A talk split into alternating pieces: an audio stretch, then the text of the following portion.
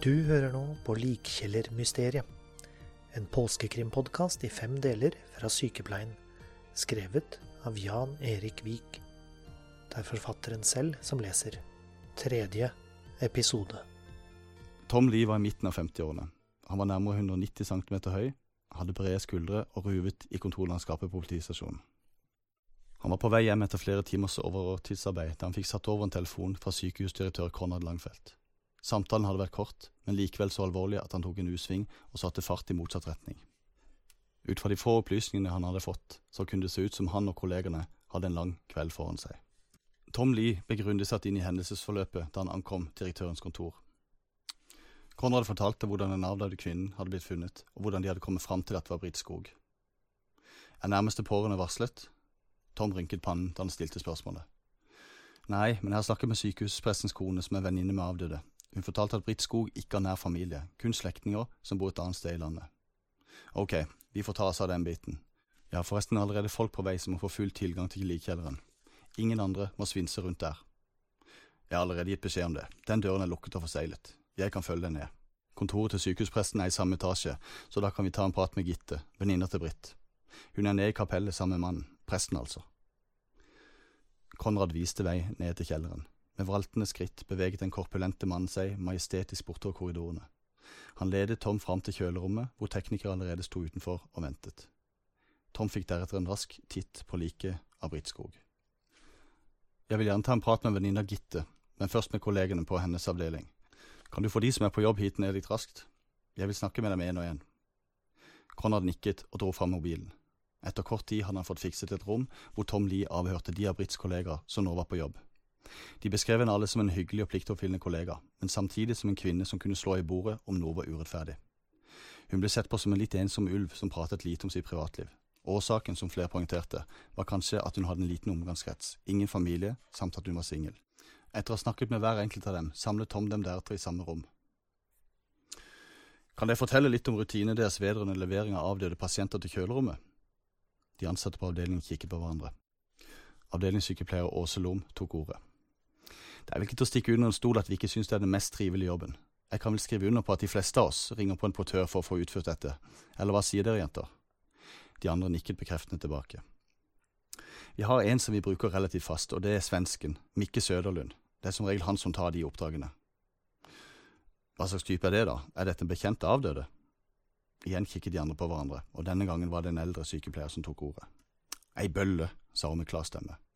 Han vitser om de avdøde og flørter med de unge pleierne på avdelingen. Jeg velger å si det som det er, ettersom jeg heldigvis ikke er i hans målgruppe. Jeg oppfatter at han er litt ekkel, både mot dere, hun så mot de yngre pleierne, og mot, hun kikket i bakken da hun skulle si navnet, og mot Britt.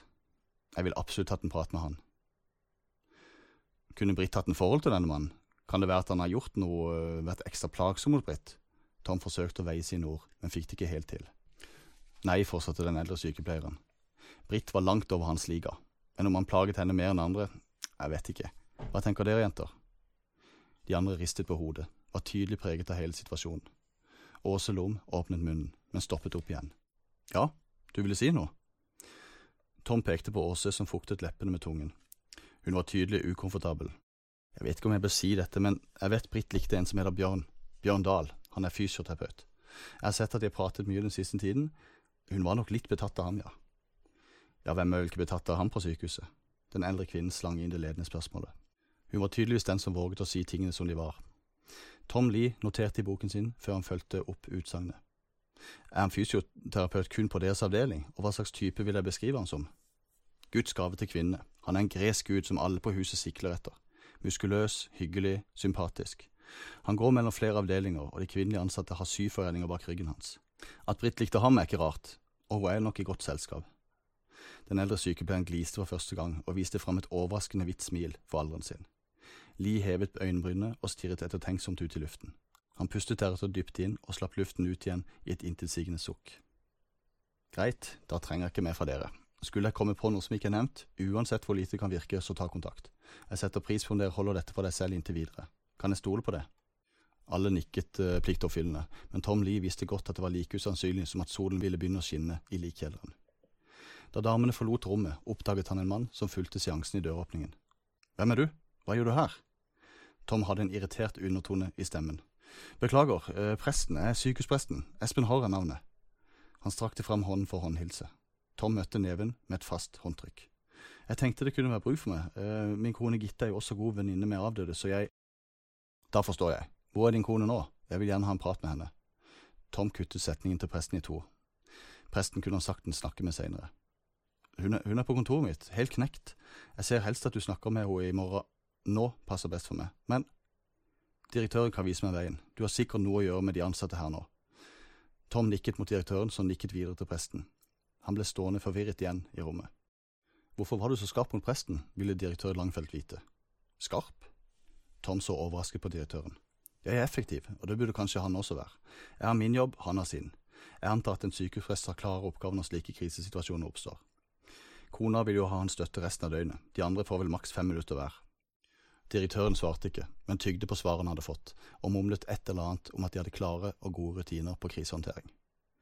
Da de tok i døren til prestekontoret, så de Gitte Hår sitte i din stol med ansiktet skjult i hendene. Tom Lee, etterforsker fra politiet.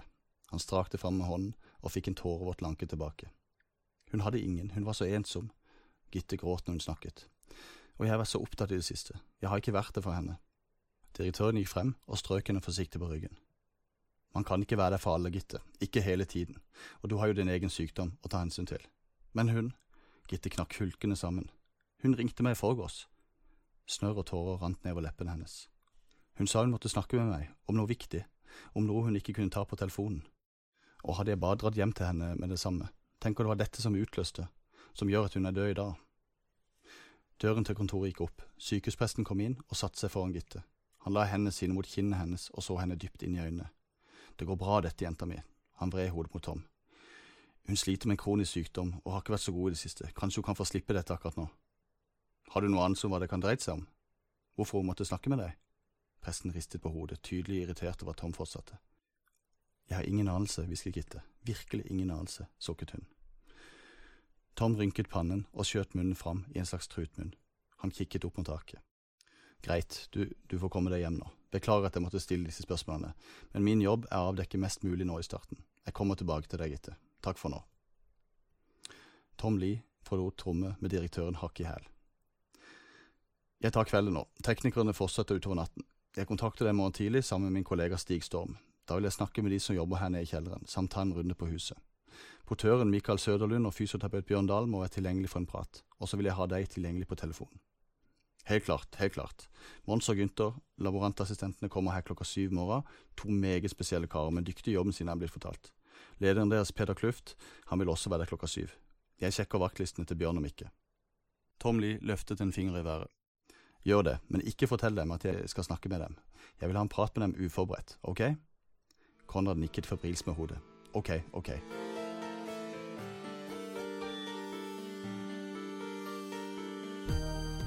Du har hørt tredje episode av Sykepleiens påskekrimpodkast Likkjellermysteriet av Jan Erik Vik. Fjerde episode er tilgjengelig fra og med midnatt natt til 13. april. Og du finner alle tilgjengelige episoder på Sykepleiens hjemmeside, på iTunes og på podbean.com. Vi høres.